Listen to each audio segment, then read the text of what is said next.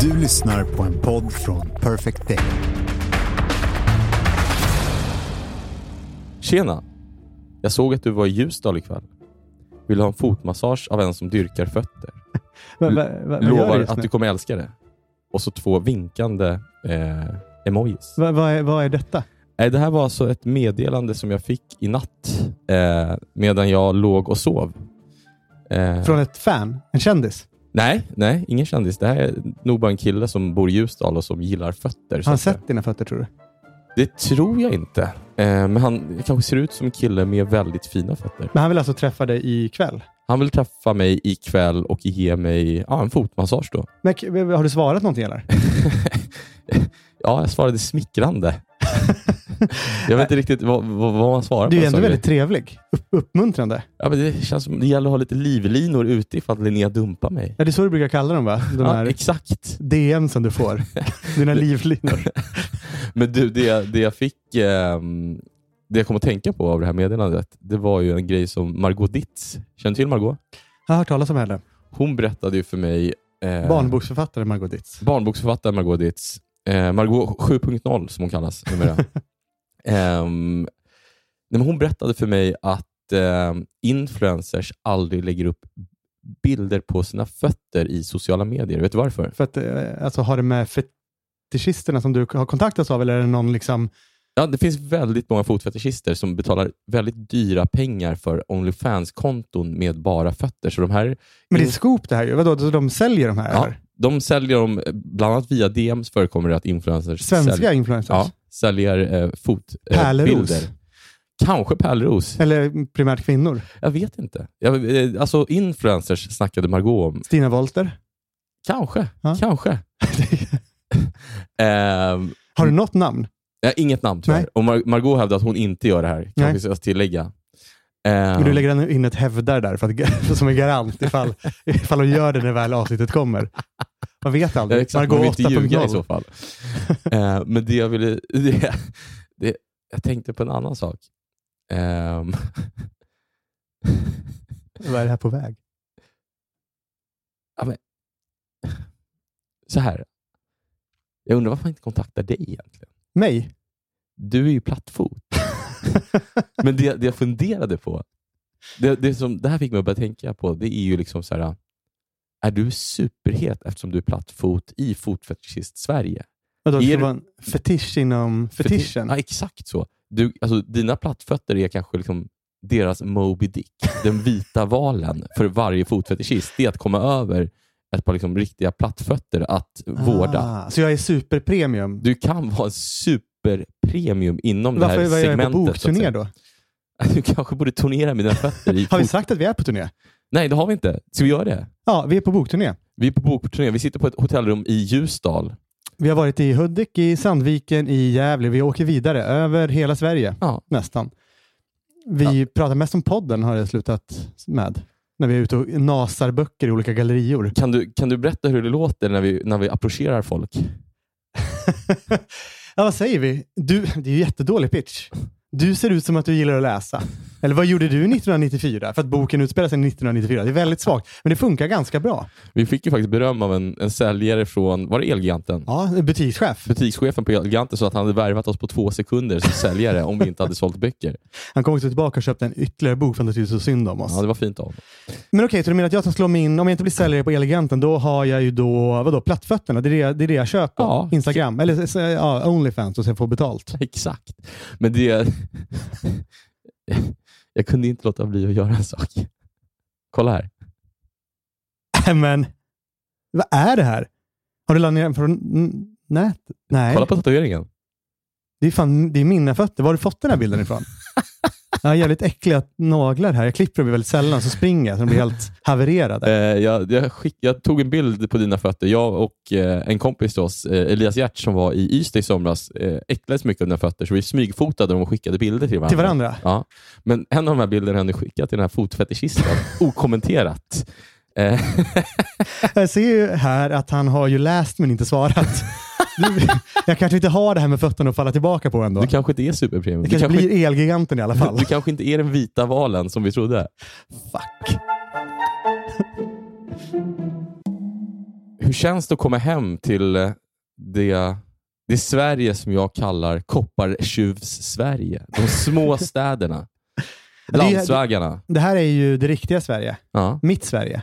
Nej, Alltså, det är ju traumatiskt. Det är som att jag är i Hallstahammar, min, min hemstad igen. Det är som att när jag kommer in i de här städerna så känns det fortfarande som att folk skriker bög åt mig på, på stan, på byn, för att jag har hatt. Hade du hatt ofta? Ja, och handväska. Eller bögslunga som de sa i Hallstahammar. Du, du tycker att jag förtjänar de här ropen? Då skrek jag alltså bög. Som att det var ett skällsord. Det var det första problematiska, men också för att jag hade hatt. Ja, ja. Och slunga. Vad, gul handväska vad hade du i, i din slunga? Nej, det var det. att Jag hade inte så mycket saker att ha i den. Målarpenslar och skit känns det som. Nej, men cigg kunde jag ha, ett capo till en gitarr, kanske en stämapparat. För att jag skulle få- få feeling och lira hos någon, någon kompis. Det var ingen som ville lira med mig. Nej, men det är faktiskt traumatiskt. Du blir så entusiastisk så fort du ser en småstad. Det är nästan så att ögonen tåras på dig. Du minns dina nätter i Köping med de här polarna du har, som alla har sådana generiska handbollsspelarnamn. Det är Kim Jensen och ja, vad de nu heter. Du brukar ragga upp brudar, eller B-rudar som du sa på den tiden. Det har jag aldrig sagt. på olika ICA Maxis eller på sådana här Comvik-stånd på, på gatorna runt om i Sverige. Ja, Tele, Telenor var det faktiskt. Som Just jag, var, jag i mina unga år var specialist på att gå Vi in måste där. lägga det här till rätta så inte han Lappinen, eller vad han heter, kommer efter det här med en lång, lång artikel. Raggade du brudarna verkligen på Comvik-stånd? Eh. Fanns Comvik då? Nej, ja, Comvik fanns nog, men jag var, jag var Telenor-specialist då. Vem är. Lappinen för att kanske förklara? inser jag. Lappinen Han är inte väl ens Lappinen va? den grävande reportern som försökte sätta dit Alex Schulman för att han eh, hade hittat på något i en roman. Det var intressant. Det var något scoop om att han, eh, han hade bytt initialer i en dagboksanteckning till faktiska namn. Ja, det var- Som en dramaturgisk rörelse. Ja, det var problematiskt. Eh, men Jag älskar småstaden. Eh, jag gör verkligen det. Ehm, jag, ehm, jag minns framför allt hur jag- när jag jobbade på Expressen eh, väldigt ofta tog mig in på krogar i småstäder med hjälp av mitt presslägg. tog mig också in på en, eh, på en kommunfest som var avspärrad för kommun, kommunpamparna i Köping genom att dra upp mitt presslägg. Wow. Och så tog jag mig in då med ja, Kim Jensen som du nämnde innan och eh, Yassin Alami. Låter inte lika mycket som en handbollsspelare. Nej, kanske. det gör det inte. Mer än fotbollsspelare ja, kanske. Mm. Exakt, det var han också. Kompetent sådan. Ja, eh, men, eh, men var det väldigt kul på den där kommunpampsfesten i Köping? var Filip Hammar och Linda Hammar där? Nej, Nej. nej. Vem mer kommer från Köping? minns, Lars Hammar. Eh, ingen av dem var där. Jag minns däremot att jag var på Hantis senare samma kväll. Då. Alltså, Var du på jakt efter Filip? Du, Nej, jag, jag, jag och mina kompisar var mest på jakt efter eh, B-rudar. Nej, men någon att ligga med. Ja. Eh, jag, jag kommer ihåg att jag fria, det fanns en det fanns alltså en trubadur där inne på Hantis Ja. som stod och spelade. Eh, och Jag bad honom att spela Die Mauer som jag sen fick gå upp på scen och sjunga. Och Sen avslutade jag låten med att gå ner på knä inför en, en eh, kvinna där eh, som hette Frida. Ja. Shout-out till Frida. Mm. Eh, och fria till henne. Hon sa tyvärr nej. Har du det? Ja. Har du en kontakt idag? Nej, tyvärr inte. Nej. Vill Tyvärr du berätta hur kvällen slutade? Nej, det kan jag inte göra. Nej. det är så märkliga saker som sker på den här turnén med dig, ska jag väl ändå säga. Eh, jag och vår roadie Elias Giertz, han som kör oss överallt, eh, reagerar ju när du, när du ska, liksom, när du för en gångs skull kör bilen och ska tanka. Då fattar inte du vilken sida, att man kan se i bilen på instrumentpanelen vilken sida tanklocket är. Det är liksom alltid, du ska fram och tillbaka flera gånger, det är svårt att backa också. Och varje stad vi åker in i, så märker jag liksom, du sitter i baksätet och vibrerar, du är oroad. Jag sitter alltid i baksätet. Ja, jag trivs bäst där. Ja, sitter och lutar dig fram och illamående. eh, hur, hur ska det bli nu, frågar du? Ja, vad då undrar vi då? Men, men, men hyr, hyrbilen alltså? Och vi fattar inte alls vad du snackar om. Men då, då är det det att du svarar ju, behöver man inte betala någon extra tariff? Alltså om vi inte, har liksom, om vi inte sköter det här med trängselskatten. Finns det ingen app för det här? Du tror liksom att, att trängselskatten är något som infördes brett i varje stad samtidigt 2007? Sinnessjukt. det här. Och när man, förklar, när, du liksom, när man förklarar för dig att det inte förhåller sig så, då blir du vansinnig. Ja, du får ta det med förlaget om det blir någon skit, skriker du. Jag, jag vet ju att det, Jag är väldigt nervös. jag vet ju att det inte går till så. Det vill jag, säga, jag har ju varit ute i Sverige väldigt mycket, sett det riktiga Sverige. Eh, åkt runt i småstäder. Jag har ju fan jobbat på Trelleborgs Pascal Allehanda. Engman, berätta inte för mig om den svenska småstaden. Jag har sett den, jag har växt upp i den, jag hatar den.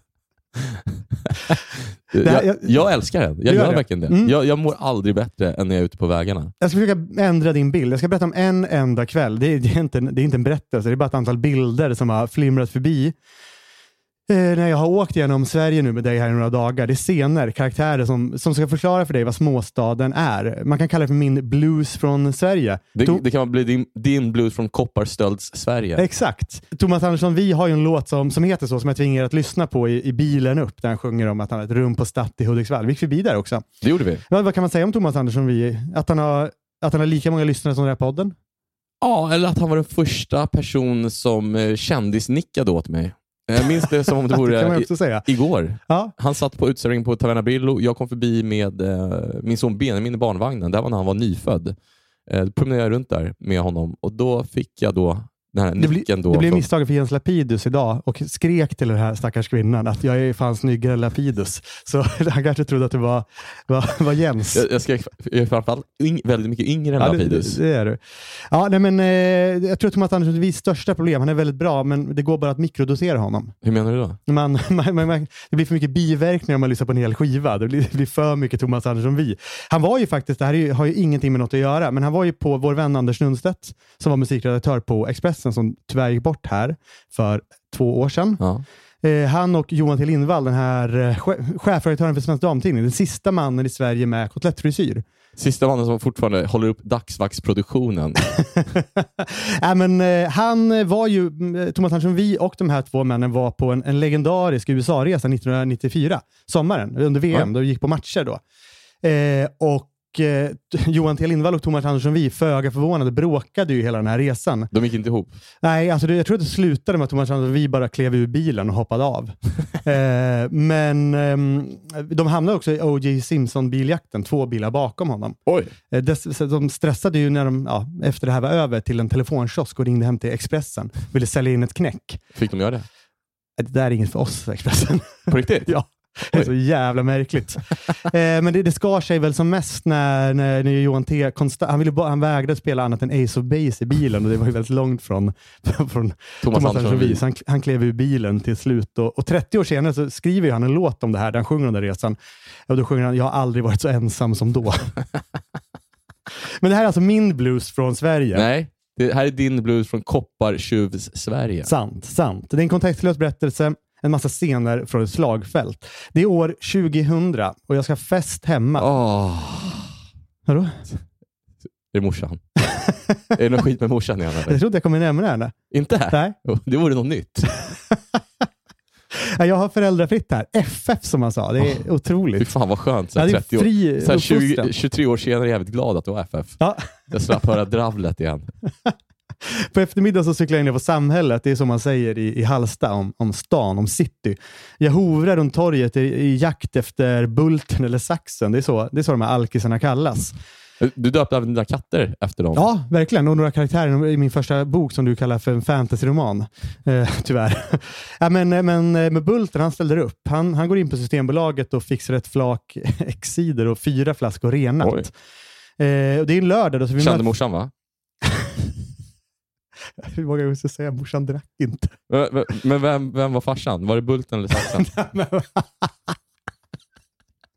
det här är lördag, så vi möts upp på ett stängt dagis för den här drop-offen, den här överlämningen. Eh, Bulten står och kissar mot en, mot en ruta där. Det skvätter lite på mig när han vänder sig om. Han säger, han säger till mig så här, jag vill inte ha betalt. Det är väldigt snällt. Han är en, han är en eldsjäl. En hederskryffel. Bulten. Verkligen. Men han, vill, han säger däremot att han vill smaka på varorna. Måste ha procent, säger han. Jag vet inte om han menar sprit eller procent på liksom, den totalen. Sedan skruvar han upp korken på de här flaskorna. Han dricker, han dricker i och för sig 10 procent av innehållet i varje flaska. Eh, och så säger han, nu står jag med någon timme. Jag, jag cyklar hemåt över torget med de här klirrande flaskorna och vid den här, vid en riven, eh, vid den här rivna Tore Skogman-statyn så ser Va, jag... vänta, vänta. Varför, varför revs den? Blev gubben Skogman cancelled eller? Nej, Halmstad Som bygg- Saddam. Precis. det hade varit otroligt. Nej, Hallstahammars kommun tror jag det var som byggde den här statyn till hyllning till, eh, till ortens stora son. Det var världens största trästaty av den här gubben som ingen minns idag.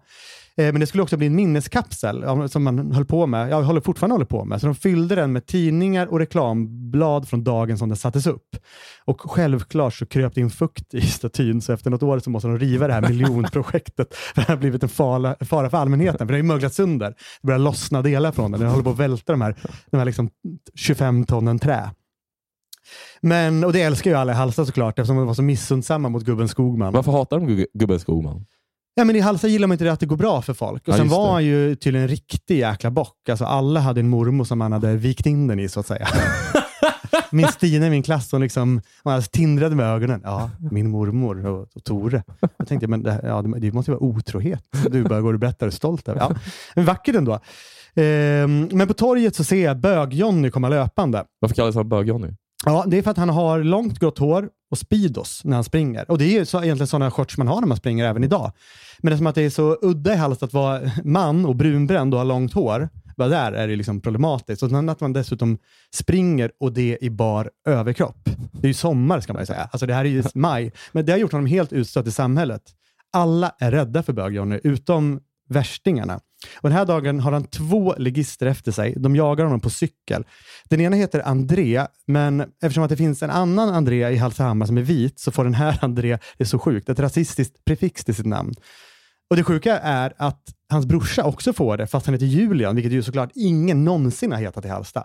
Eh, men det säger så mycket om den här småstaden du romantiserar. Är du med Pascal? Jag är Trivs du? Vill du vara där? Vill du bo där?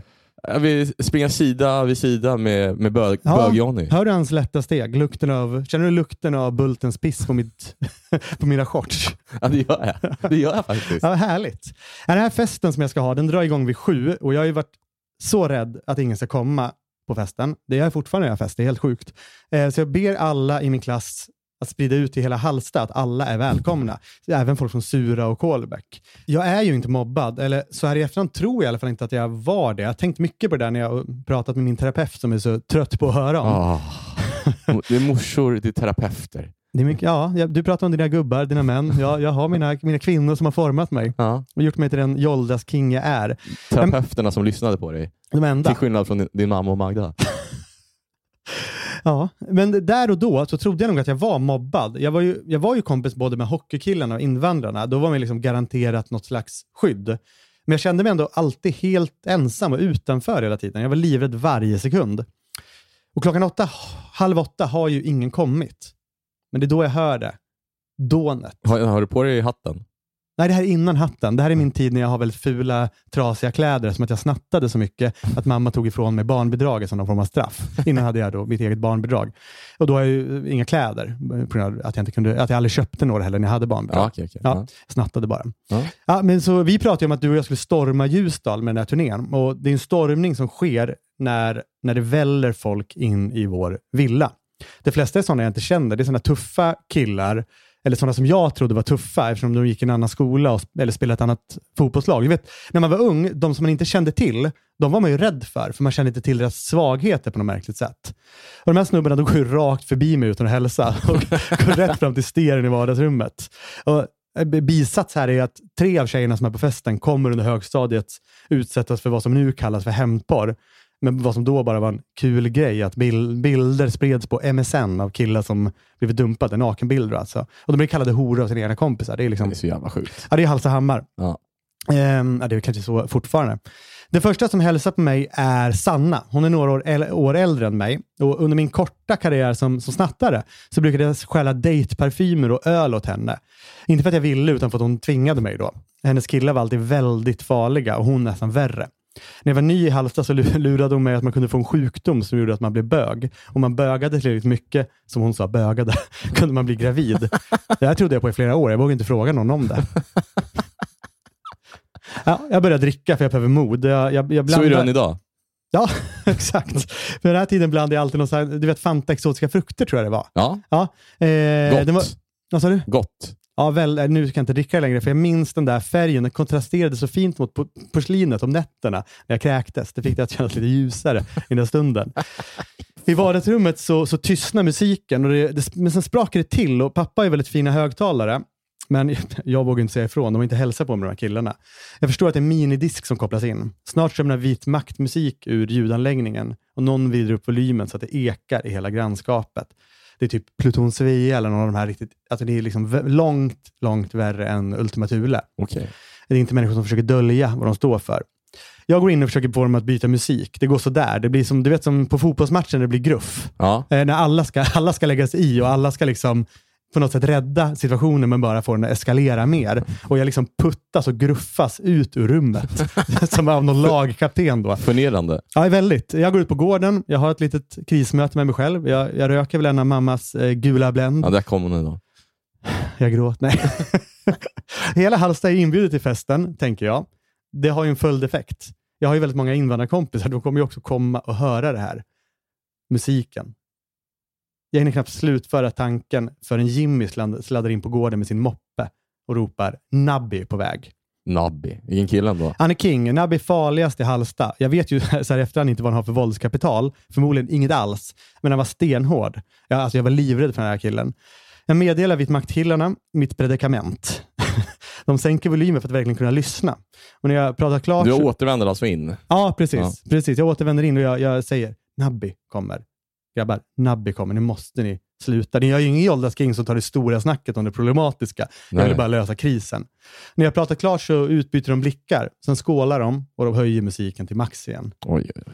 En halvtimme senare står Nabby där på grusgången. Han har ett helt gäng kompisar med sig. De kommer alla från den, den sidan av Trädgårdsgatan i Hallstahammar där invandrarna bor. Först var det finnarna. Morsan Itali- bodde där va? Hon är ju svensk och det är fan från Märsta eller något. Sen var det italienarna och ju- juggarna. Men i takt med att de integrerades i samhället så flyttade nya familjer in. Det var, liksom, det var de modernaste och finaste lägenheterna i Hallsta. Men som det är i småstäder, där invandrarna bor, vill ingen svensk bo. Jag ser Asmir i min klass. Han är en bra kille. Han brukar alltid skydda mig. En gång när jag bad om att få låna en cigarett så gav han en örfil och sa du kommer alltid få cigaretter av mig. Slog han mig igen. Fråga aldrig igen. Ja, fint. Ja, fint. Han skyddar alltid mig. Så när jag går fram till, till Nabbe för att medla, då vet jag det. Asmir kommer liksom bereda min väg. Men ehm, det hjälper inte. för det enda som händer är att Nabbe ger mig en lavett. Igen? Nej, nu var det Nabby. Ja, nu är det Nabbe. Ja. Ja. Eh, det är stenhård den här lavetten. Kanske är det dagsvaxet i mitt, mitt hår som jag slagit hårdare. Du vet, det blir sten mot sten på något sätt där i nacken. Eh, jag har ju spikes. Eh, Nabbe spottar på marken bredvid mig. Jag, jag tar ett kliv, kliv åt sidan. Och sen säger han, och de här, de här orden glömmer jag aldrig. Jag bajsar snett på din mamma. det är så jävla märklig sägning. Hårt. Det som följer är väl Hallstas svar på påskkravallen. Det, det kallas så va? Det krossas glas och kastas sten. Det blir gruff. Eh, kanske blir någon slagen. Jag vet inte riktigt, för jag håller mig väldigt, väldigt långt borta. Eh, och Nabby och hans gäng försöker ju rättmätigt, de är ju också inbjudna till festen, ta sig till stereon för att stänga av. Och rassekillarna de försöker att hålla det här fortet. Medan påskkravallerna pågår så tar jag min tillflykt till toaletten. Dörren är olåst, men när jag öppnar så ser jag Hallstas enda flata där inne. Hon bor inte ens i Hallsta, hon bor i Sura, eh, grannkommunen. Hon har kort hår och alla är livrädda för henne, för det går ett rykte om att hon brukar spöa killar för att det är kul. Hon sitter och kissar och jag, jag bara fastnar där. Jag stirrar på henne liksom med, öppen mun, för jag tänker när som helst kommer det här slaget. Men hon bara väser till mig. Vill du titta eller? Och sen särar hon på benen.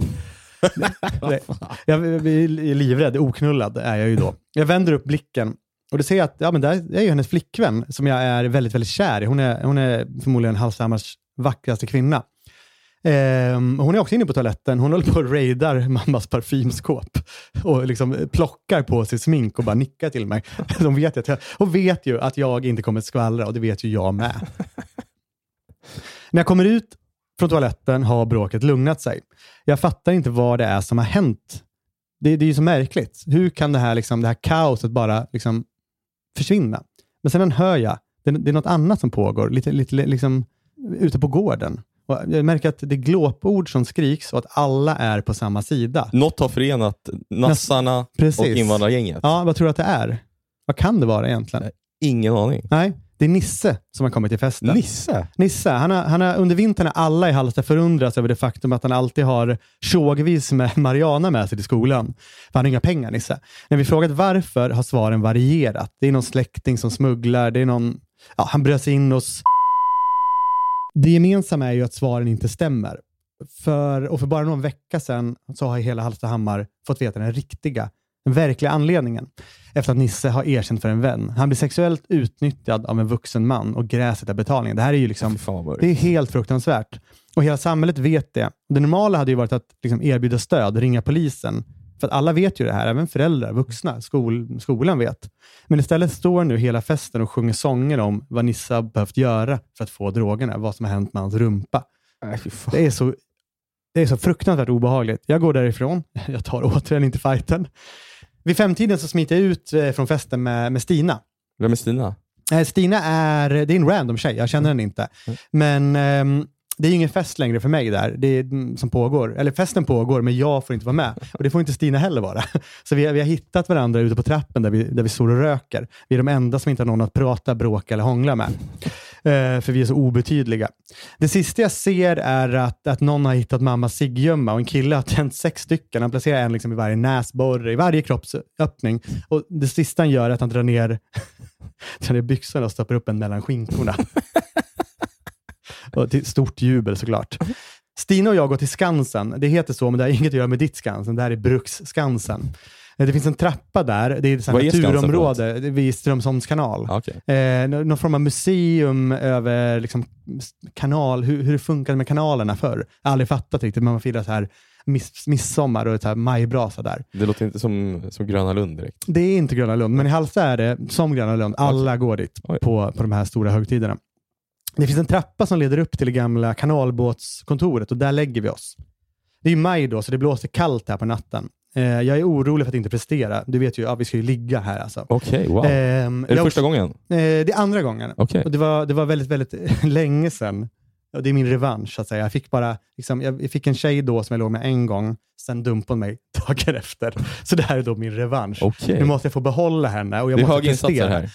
Allt står på spel. Ehm, jag är också livrädd för att hennes farsa är gammal boxare och tydligen helt jävla galen i huvudet. Eh, jag ligger på rygg, byxorna är nerhasade, det är grus mot ryggslutet. Är du där? Känner du hur de skär in i mina skinkor? Ja tack. Ja, det gör jag med. Jag tänker att jag måste hålla ut i en halvtimme ungefär. Oj, det var ju det man länge. ofta satte ändå som någon gräns. Liksom, väldigt väldigt eh, liksom, höga krav här. Man trodde ju att det var det man behövde göra. Liksom. Eh, det, var ju det enda man liksom försökte med. Eh, då tänkte jag, då har jag klarat mig godkänt. Och, och jag, rakt ovanför mig, när jag, jag ligger på rygg, så, så ser, det finns en lampa ovanför för entrén till, till det här kanalbåtskontoret. Och eh, den glappar, den tänds och släcks om vartannat. Det är liksom re, helt oregelbundet. Och i den så surrar en fluga som har fastnat. Flugan blir helt galen när ljuset jiddrar med den. Den attackerar kupan, men den kommer ju inte ut. Det går inte. Det är, liksom, det är den perfekta distraktionen. Jag stirrar på den här jäkla flugan hela tiden för att ha något att fokusera på, för jag vill ju inte komma för snabbt. Jag tänker att den där insekten är jag och, och lampan i Hallstahammar. Jag flyter iväg i tankarna. Det här, det här liksom sexet som pågår, det är, jag är inte en del av det. Eh, jag är en fritt flytande, svävande atom. Dess, dess, de här blinkningarna, de är liksom alla faror i Hallstahammar. De det ständiga hotet om våld, om utanförskap, att inte passa in. Eh, och jag tänker att om jag inte håller ut tillräckligt länge, då kommer, då, då kommer Stina sprida ut att jag är bög. För det, är- det är sånt som händer i Hallstahammar. Det är då jag känner det. Vad, vad är det du känner? Det är Stina. Vad gör hon? Jag, jag vänder min blick mot mig. Hon petar mig i ansiktet. Med, med, liksom en, ett pekfinger rakt fram liksom i näsan. Och så frågar hon, är du inte klar snart? jag skulle vilja gå hem. Vad vackert. Där har du det. Min blues från Sverige. Ja. Bättre än Thomas Anderssons vis, vis blues från Sverige måste jag säga. Nej, det är en jättefin låt som jag tycker mycket om. Som vi kan eh, avsluta podden med. Sluta inte hälsa på mig Thomas.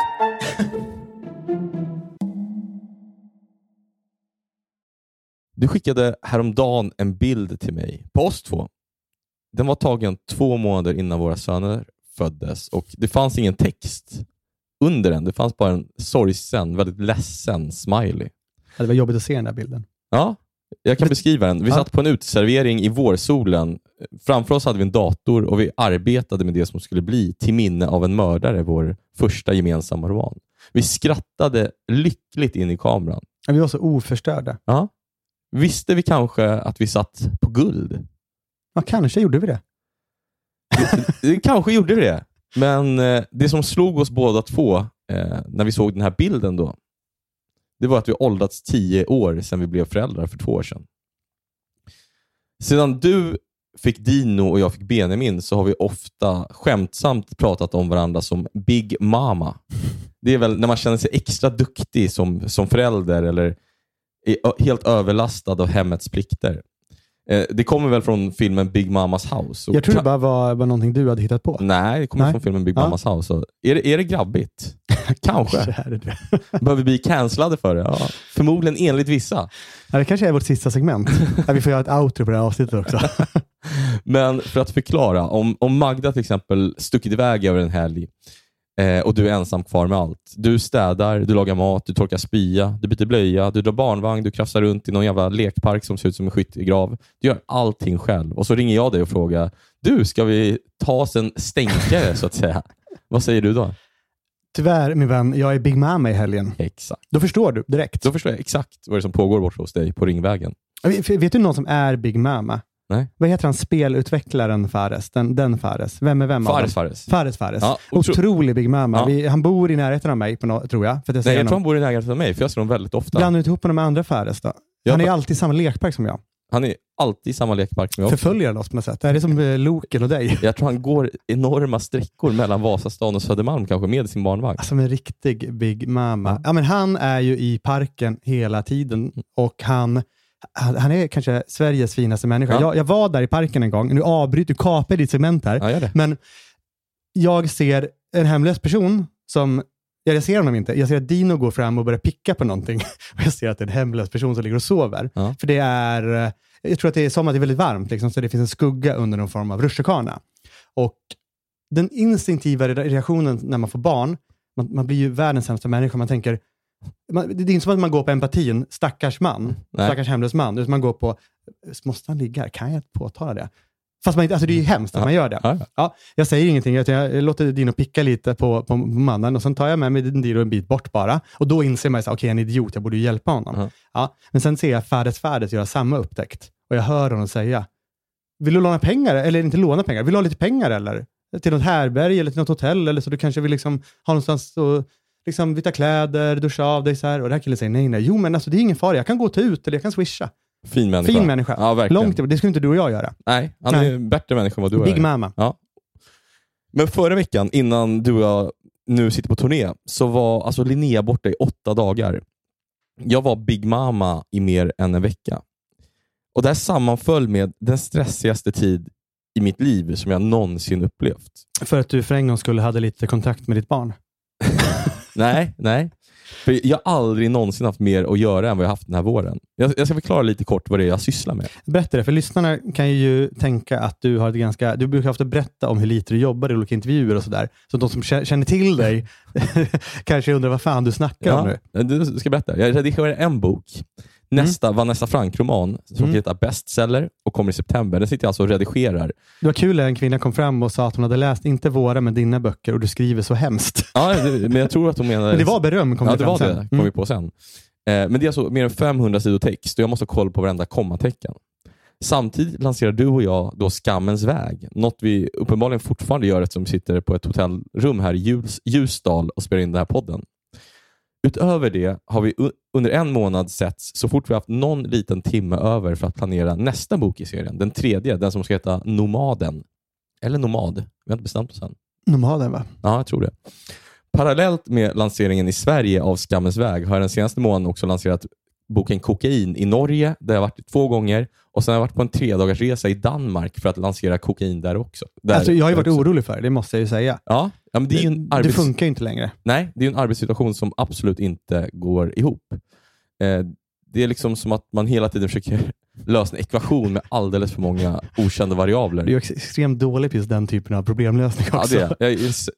Levererar väldigt dåligt under stress. Men allt socialt liv har vi ställt in. Vi ställde ju till och med in vår egen releasefest för Skammens väg. Det, det gick inte. Nej. Ehm, och ett varningstecken på att jag inte mådde så bra, det var ju när jag för ungefär två veckor sedan slutade förstå hur klockan fungerade. Minns du det här? Minns du de här dagarna? var som när min mamma blev Alzheimers sjuk och inte kunde internetbanken längre.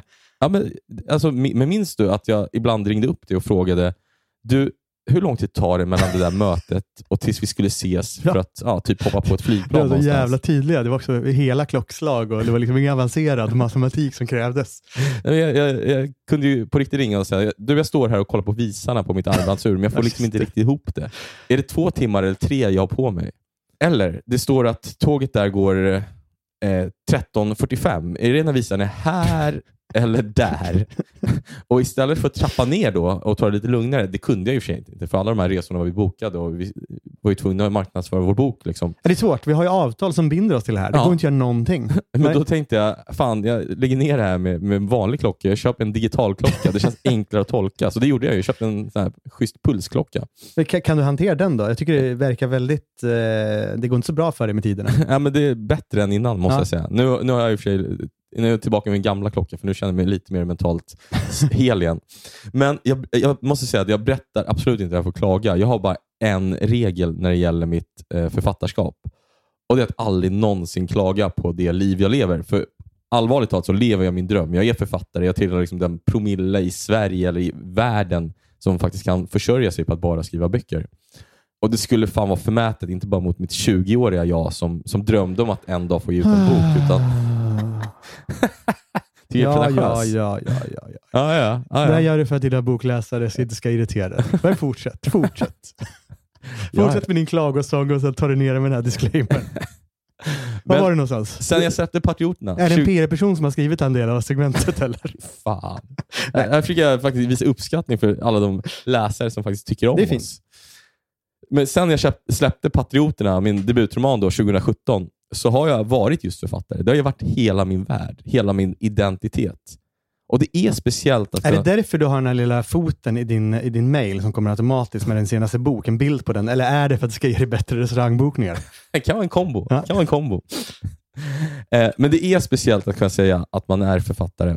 Ehm, folk blir så vänliga, så trevliga och så beskedliga mot en. Och hela mitt liv har kretsat kring det här. Jag och Linnea har liksom farit till Chile eller Spanien för att jag ska kunna skriva i, i flera månader.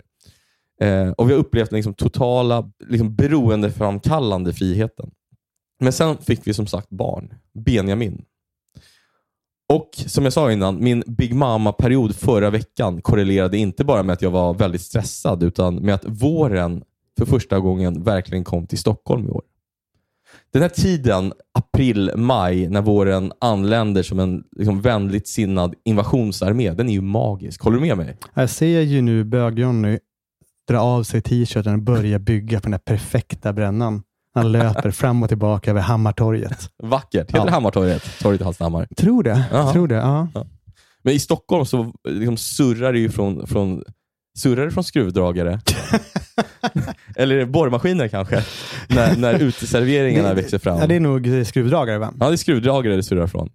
Och bleka stockholmare vacklar omkring liksom nykläckta. De kisar mot solen som lyser som en svetslåga där uppe på himlen. Ja. Och minns du hur vårarna brukade vara för oss? Mm. Det var Du- ju underbart. Ja, du, jag och Magda, vi möttes upp vid, om Linnea, möttes upp vid lunchtid, satt på en uteservering, drack drinkar, sen vacklade vi vidare till nästa ställe. Kanske gick vi på en nattklubb. Kanske var vi på en efterfest hemma hos någon. Jag minns att min första vår med, med Benjamin hade jag väldigt svårt att förlika mig med min nya tillvaro. Han och jag gick långa promenader nästan varje eftermiddag och kväll. Och Jag älskar de där stunderna. Jag älskade honom väldigt mycket redan från första stunden jag såg honom. Men när jag sprang in i människor från mitt förflutna, alla de här unga, barnlösa personerna, så tänkte jag att jag saknade den där sorglösheten. Manjana manjana tillvaron. Att slippa ansvaret, allvaret. Om så bara för en stund. Och Samtidigt skämdes jag ju för att jag gjorde det. Men jag måste ärligt säga att jag, jag längtade bort ibland. Nej, men det gör man ju. Ja, det, det gör man och det måste man kunna erkänna. Bara den här luckan där ingenting kan störa en. En dag, en, liksom två dagar när ingen ringer en, Ja. ingen kräver något av en, är ju otrolig. Ja, den får man aldrig uppleva. Nej, den är över. Men nu är det då istället april 2023. Och Jag är som sagt ensam med Benjamin. Jag är Big Mama. Benjamin är det första jag ser när jag vaknar. Han väcker mig genom att slå på mig och sen skratta. Ka- Kallar han dig också mamma som Dino gör med mig hälften av gångerna? Eh, nej, han har koll på att jag är pappa. Inte Big Mamma, men mamma. Nej, han kallar mig eh, pappa. Ja. Det är väldigt fint. Eh, ja, jag, jag tycker så otroligt mycket om det. Det är känslosamt eh, när han gör det. Ja. Fortfarande. Mm. Eh, han vill Det är, göra... faktiskt, det är faktiskt sant. Det är fan det sjukaste. Att det, det blir nästan starkare för varje gång. Ja. Han, han vill göra allt som jag gör. Han vill äta samma saker. Vi äter väldigt mycket indiskt, väldigt mycket Mm. kebab. Vi har på, han vill ha på sig samma kläder som jag. Det är som att ha en liten stalker. Det är som du och, och Loken på, på gymmet när du, hovar runt där. Det är bara ingen PT som står i vägen. Lok! Lok! Eller du säger nästan också pappa, pappa, pappa, pappa. Hallå, se mig. Jag, jag har samma, samma tröja som dig. Den, den enda sång eh, Benjamin lyssnar på, det är La Bamba. Han blir vansinnig om jag spelar något annat. Men Ingen Winnerbäck alltså? Nej, in, ingen. Winnerbäck alls. Han gillar bara Alabama. Ja. Eh, jag tycker det är fint. Det, han, det Det visar är det att enda är... låt du kan spela på gitarr också. Jag kan spela väldigt många låtar på gitarr. Ja. Men La Bamba är jag väldigt bra på, eftersom Benjamin vill att, det är det enda han vill att jag spelar. När en moppe passerar oss på gatan så skriker han! Små barn pratar ungefär som dövstumma. Eh, han ser tyvärr inte skillnad varken på mopeder, motorcyklar eller permobiler. Är det där intressant? Permobilerna? Ser han en tant som halvdöd sitter i en permobil, hon har liksom inte vetat vilken dag det är sedan 96, så peta, pekar han på henne och skriker Mo, äh! Det är så jävla förnedrande för oss alla egentligen. ja. Eh, Men han är ett barn av staden också, av Stockholm, inte av Hallstahammar. Han är, av Nej. Sto- han är ett barn av Stockholm, precis som jag. Han tycker väldigt mycket om fiskar. Det har vi inte alls, där, bara brax. Men vi bor i Vasastan och hans enda erfarenhet av liksom vattenlevande djur, de finns i skärken på ICA Baronen på Odengatan. Där han, dit brukar vi gå och kolla på trötta strömmingar som ligger där på en isbädd. Men han är lika glad för det. Han vill stå där i liksom timmar och peka på dem, prata med dem. En av de där dagarna, när han, den dagen han fyller två, så har jag fått anordna ett barnkalas själv. Jag blåser ballonger, jag köper bullar, jag köper tårta. Det är lustiga hattar, det är girlanger. Jag släpar hem såna backar med läsk. Som jag sa innan, vi, va- vi vaknar upp tillsammans och vi går och lägger oss tillsammans. Den soligaste och varmaste dagen hittills i år, då promenerar vi på Birger. Benjamin vill nämligen se på båtar. Vi ska till Djurgården. Vad ska ni göra där? Vi ska kolla på båtar. Mm. Och min telefon den ringer oupphörligen. Det är mitt förlag Bookmark. Min förläggare Ebba Barrett Band som behöver att jag gör en så kallad plåtning. Fotografen hälsar att hon behöver åtta timmar för att plåta Det mig. kan inte vara många hon behöver åtta timmar med. Det Nej. är efter, den där, efter de här senaste två åren som Big Mama. Det behövs. Och jag svara, liksom, är ni sinnessjuka? En redaktör smsar och vill ha en text. Eh, Hon vill ha den klar om fyra timmar. Är, är det på grund av det här vi har börjat skriva vissa texter, inte våra böcker då, vi med den här AIn? Vi har svarat på vissa grejer med AI, det kan vi inte förneka. Eh, Perfect Day-säljgänget ringer och undrar om du och jag kan komma upp på ett möte. Bookbeat, ljudbokstjänsten, vill ha en video där du och jag pratar. En litteraturfestival i Brighton vill att jag skriver ihop en kortare presentation av mig. Den är fixad nu med hjälp av AI för övrigt. Ah, Eh, Min agentur ringer och undrar om jag kan godkänna ett avtal som ska översätta en av mina böcker till arabiska. Till slut gör jag något som jag inte har gjort någonsin tror jag. Förutom när jag flyger. Jag stänger av telefonen. Jag orkar inte. Men jag märker att det är fortfarande något som oroar mig. För även om telefonen är tystad så, så finns de fortfarande där ute. De fria, obundna människorna. Det är de som börjar oroa mig nu. Förra våren blev jag ständigt irriterad över att se dem. De påminde mig om den här friheten som jag hade förlorat. Det var som att bo granne med ett ex man fortfarande hade lite känslor för. ja, det är väldigt bra beskrivet. Jag, jag minns ju att du, du, du ringde mig frustrerad kring det här ganska ofta den där våren. Men nu, titta där! Vad är det som händer? Det är kungen. Lok? Nej, Nej? Nej det är inte kungen. Det är, det är Benjamin Ingrosso faktiskt. Jaha. Ja, och eh, hälsar ni? Ja, självklart. självklart. Du på honom eller han på dig? Nej, båda. Ja, men vem först? Respektfullt i blicken. Hallå ja, det är där. Nick där. Ja, Ja, det är Nick. Mm. Tjena, tjena. Mm. Jag ser honom nästan varje dag. Jag tycker väldigt mycket om Benjamin Ingrosso. Han verkar väldigt lycklig och han är så jävla sexig. Fan vad snygg han är. Ja, men han är verkligen det. Det känns som att han ständigt är på väg hem från liksom en bortamatch eller på väg till den. Han ska bara stanna till någonstans och spela lite på en flygel och äta en god pasta för att liksom Kanske lite, vaska av sig. ja, få lite kolhydrater i kroppen, käka en pasta, ladda batterierna helt enkelt. Jag och Benjamin, min son då, inte Benjamin Ingrosso, eh, Du, vill du döpa honom efter Benjamin det är Ingrosso? många som har Visst var det frågat mig det, men det kan jag starkt dementera. Ja. Det var det faktiskt inte, även om jag tycker väldigt mycket om Benjamin. Då. så? Jag, Finns, finns det någon offentlig person du inte tycker om? det finns en del. Ja. Ehm, vi går vidare, jag och Benjamin Engelman Fält, som min son då heter. Mm. Vid Stureplan ser jag, vi kan kalla henne för Beatrice. Vet du om det är? Spännande. Är det en gammal, eh, gammal flamma? Det är en gammal flamma. Ja, en av alla de tjejer du, du, du säger var ditt livs kärlek. sinnessjukt påhopp. Framförallt på Linnea. Undrar vad hon ska tro efter det här. Men jag minns en vår för flera, flera år sedan när hon och jag brukade ta oss in i hennes föräldrars takvåning på Östermalm. De var väldigt ofta bortresta. De var väldigt rika. Vi gick ut på deras terrass där de hade en badetunnel eller någon sorts jacuzzi. Och där tog vi av oss alla kläder, drack Jack Daniels, rökte cigaretter och bara låg och badade i flera timmar. Det fanns inga förpliktelser. Det fanns bara liksom lust och ungdom. En dröm att jag någon dag skulle skriva böcker och hon ville bli, bli konstnär, minns jag. Men det blev hon tyvärr inte. Um, men vissa av de saker vi sa till varandra då har jag använt i, i böcker. Eh, bland annat var det hon som brukade säga när vi sjönk ner i det här varma härliga vattnet. Nu super vi oss tillbaka till apstadiet. Vilket jag tycker var otroligt fyndigt sagt av Ja. henne. Eh, tycker Linnea om när du använder det om poster med dig och Linnea som du har gjort för flera tillfällen i Chile. Jag tror du till och med någon gång hävdat att det var Linnea som sa det. Så kan det vara. Omtvistat. Vi ber Lappinen eller vad han heter och inte Nej, han, kan, han kan reda ut det här åt oss. Han kan reda ut det här åt oss. Ring. ring, ring, ring Beatrice. Ehm, jag tror det är med i min bok Patrioterna som vi pratade Ja. om innan. Just det, det känner jag igen. Men nu har det gått några år. Eh, Beatrice har en rullväska i handen. Vi säger glatt hej till varandra. Var ska du? frågar jag. Hon säger, jag ska till Göteborg. Och eh, ja, bara efter några meter så springer jag in i nästa bekanta ansikte. Pappa? Fredrik? Vi, är det. Wikingsson tror du? det är inte det. Det är inte Har du någon anekdot, du kan, någon en plus anekdot du försöker dra där snabbt? Nej, Nej. nej, det är inte Fredrik Wikingsson. Vet du vem det är? Det är Berätta. Ultramange. Eh, min fina gamla kompis. Egentligen heter han bara Magnus och är väldigt lugn och skötsam. Han arbetar med finans. Men när han dricker blir han Ultramange, som han då kallas. Eh, han blir gränslös och galen. Är han en exit-karaktär eller? Han är väldigt mycket mer skötsam än en Exit-karaktär Mm. när, han är, när han är nykter. Mm. Han har alltså det sämsta ölsinne som, som någon människa någonsin haft. Jag har sett honom slå ut sina tänder på fyllan. Eh, jag har sett honom stå och kissa i fullsatta bardiskar.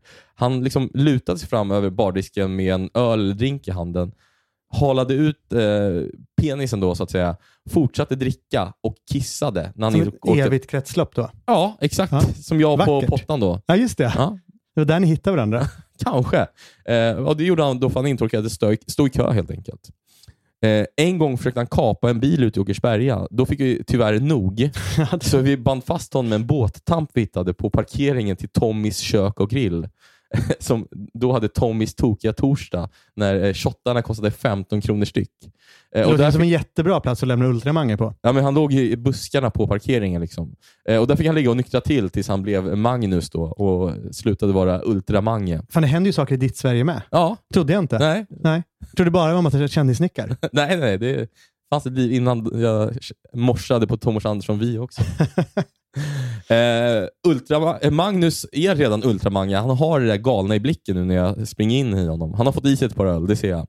Och jag förstår att det kommer bli en stökig if- eftermiddag. Är du rädd för honom då? Jag kan få med dig? Nej, men det är det jag inte blir. Det klirrar liksom till i påsen från Systembolaget och han säger Öh, ska du med till Humlegården?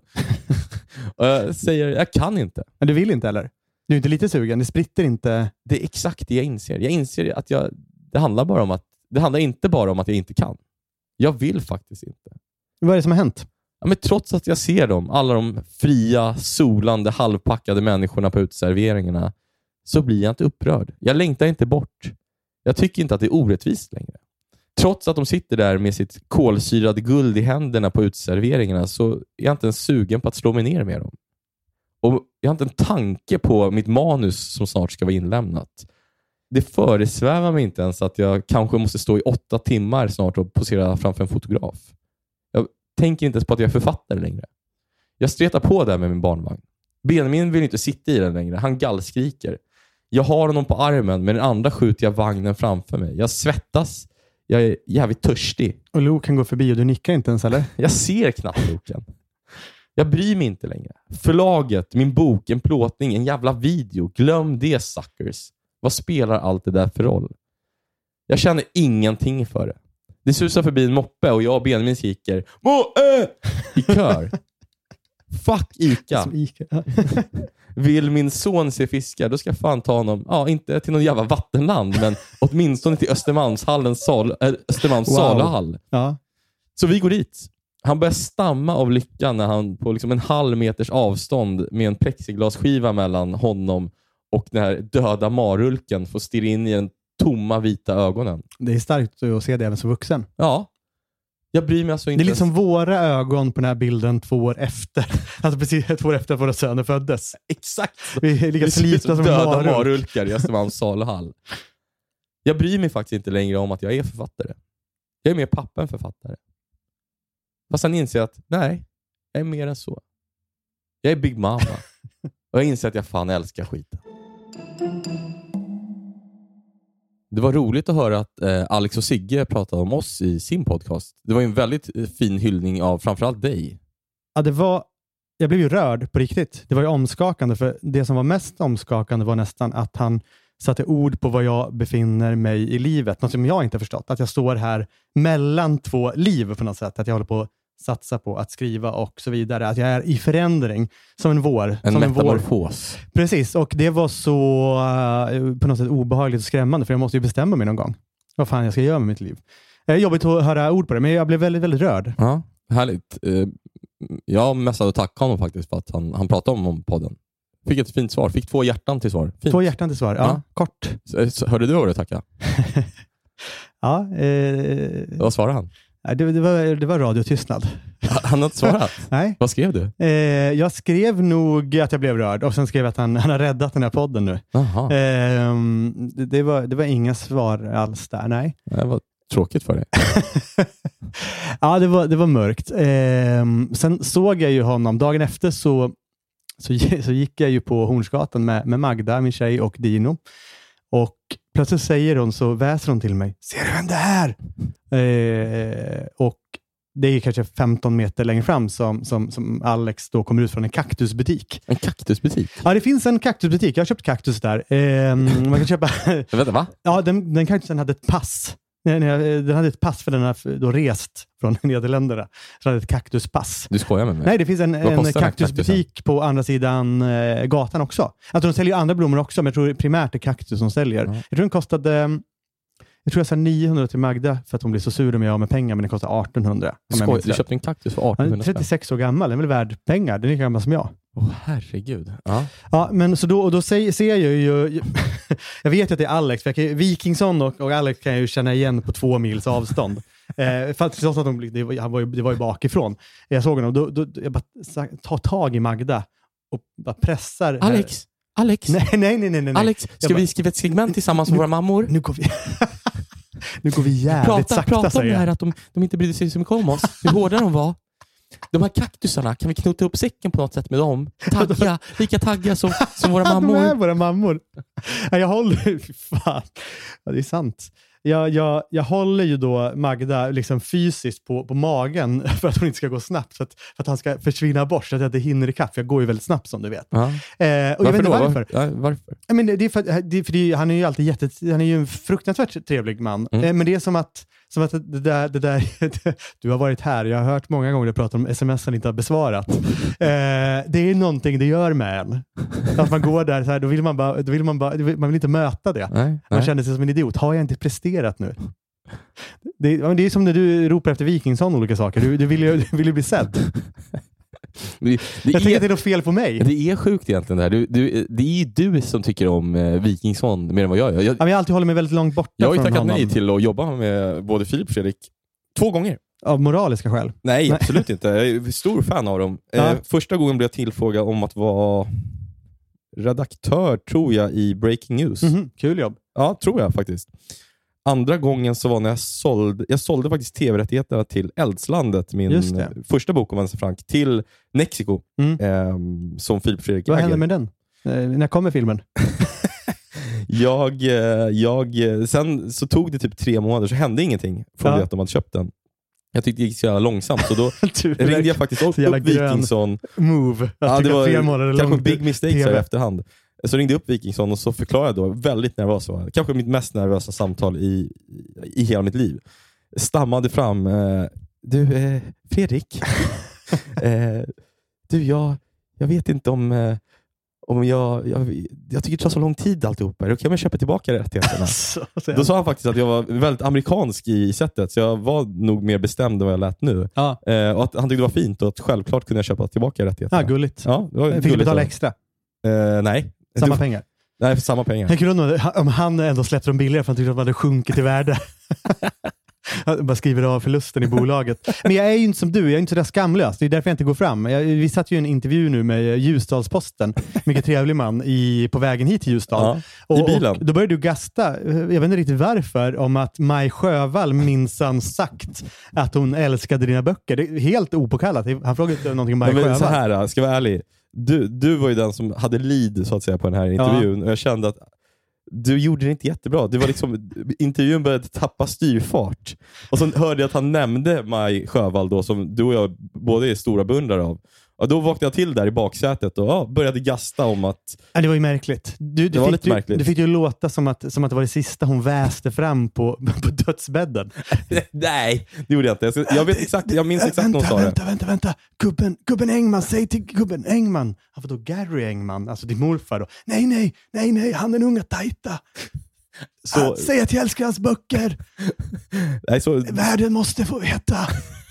Säg, gubben Engman! Hallå? så var det inte. Det var inte hennes sista ord. Nej, nej, inte vad jag vet. Nej.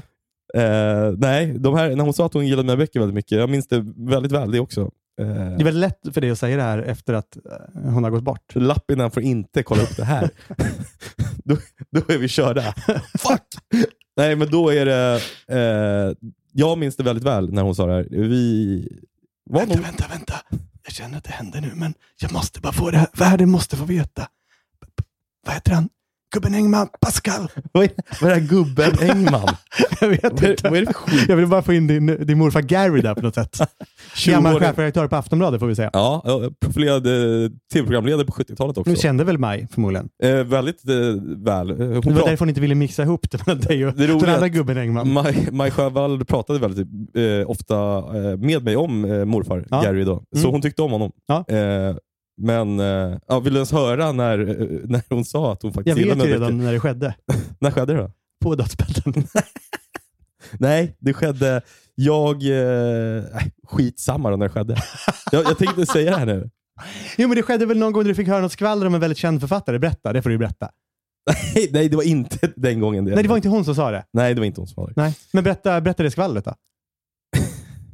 helt, helt, det har ingenting med någonting att göra, men du måste berätta det. Det är det, det, är det här du är på väg att bli. Det här, I morse när vi åt frukost på hotellrummet på turnén så sa ju du till mig någonting som faktiskt som fick mig att tänka på det skvallret du, du snart ska, ska berätta. Det var ju att jag kommer och sätter mig vid dig och det, för, det, det, det du säger, du tittar bara knappt upp på mig. frukostbuffén Vid alltså. frukostbordet så säger du, du får sitta här, men jag vill inte att du tilltalar mig. Och sen, sen så går det för två minuter och så tycker jag ändå att jag stör med min närvaro så går det till ett annat bord. Det sjuka, det här hände för tre veckor sedan när jag var i Danmark med Sofie Sarenbrant också. Gjorde Eh, hon så på dig då? Nej, jag gjorde så på henne. Ah, Eh, jag och Sofie känner ju jag tycker jättemycket om Sofie Sarenbrant.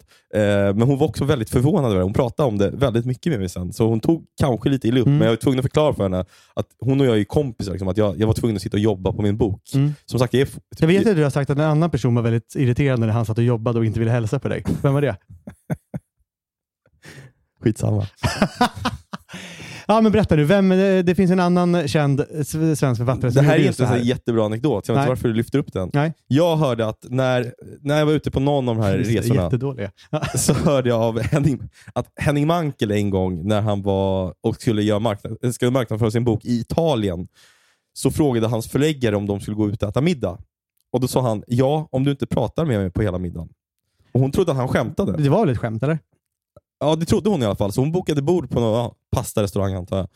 Eh, och när han kom dit så försökte hon prata med honom, men han sa inte ett ord. Och sen när han hade ätit upp sin pasta så bara reste han sig upp och gick. Han betalade ju inte för sig. Det tror jag inte. Så hon var där för att hålla kortet så att säga. Ungefär som jag på den här turnén. Jag håller i logistiken. Ja, det gör det verkligen. Och du gör det bra, måste Du går och skrävlar. Ja. Maj. Maj. Under tiden när du hade snackat om Hallstahammar, och var det morsan du snackade om? Eller? Ja, Du var inte riktigt med när jag märkte det. Det var som att stirra in en, en död marulls ögon. Kanske en levande också. Ja, men jag, ehm, Det var någon annanstans. Var jag du? fick eh, svar från här fotfetischisten faktiskt. Nej. Jo, och jag han också skicka någonting Har jag en, eh, liksom en Onlyfans... Eh, är det det jag kan satsa på Om nu? jag reggar ett Onlyfans-konto till dig? Nej, det har jag inte. Nej. Eh, däremot, han svarade på, på bilden på dina fötter med Mm. Ja, han sa det exakt. Gillan? så- Nej, han skickade exakt som Alex Schulman svarade när jag eh, tackade, så svarade han med två hjärtan. Nej, Jo, så nu har jag svarat honom också. Eh, du kan se här vad jag har svarat. Ser du vad det står? 203. Vet du vad det är? vad fan, det är ju det är mitt rumsnummer här i Ljusdal. Rum 203 2100. Vad fa- fan? Ja, han har gillat. Ja, han har gillat ditt svar. Det är spännande det här. Då har vi det. Nu stormar vi Ljusdal. Nu ut och sta- storma Ljusdal. Sandalerna på! Och sen stormar han mig. Jag har ett rum på Stads i Hudiksvall Jag hålls vaken av ett Delsbo-band som spelar Desolation Road Jag har stått i sorlet och lyssnat på en man som förlorat sin familj och jobbet på firman. Han lovar att hämnas.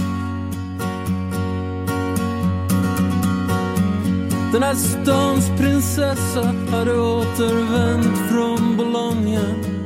Innan jag gick sa hon jag gifte mig gärna med dig till sommaren. Och de tunna isflaken driver längs Ljusnans vatten i en förort till livet sväljs natten och anden lämnar flaskan. Vi har fyllt alla rum till bredden men de ekar tomt ändå. Jag är uppe i natt och skriver blues från Sverige.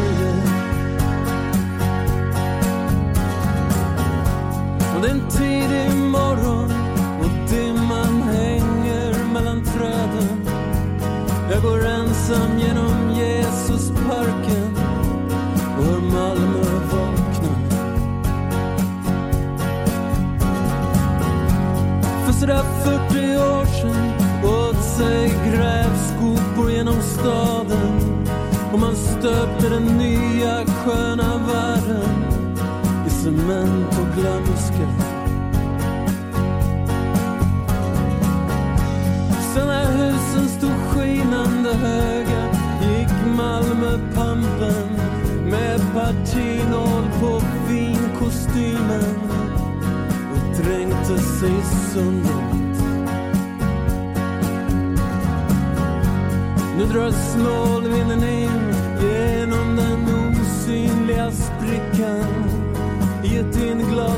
centrum irrar människan Hon har glömt adressen.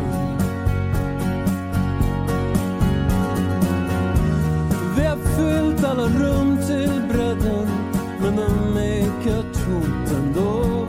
Jag står på scenen och sjunger blues från Sverige.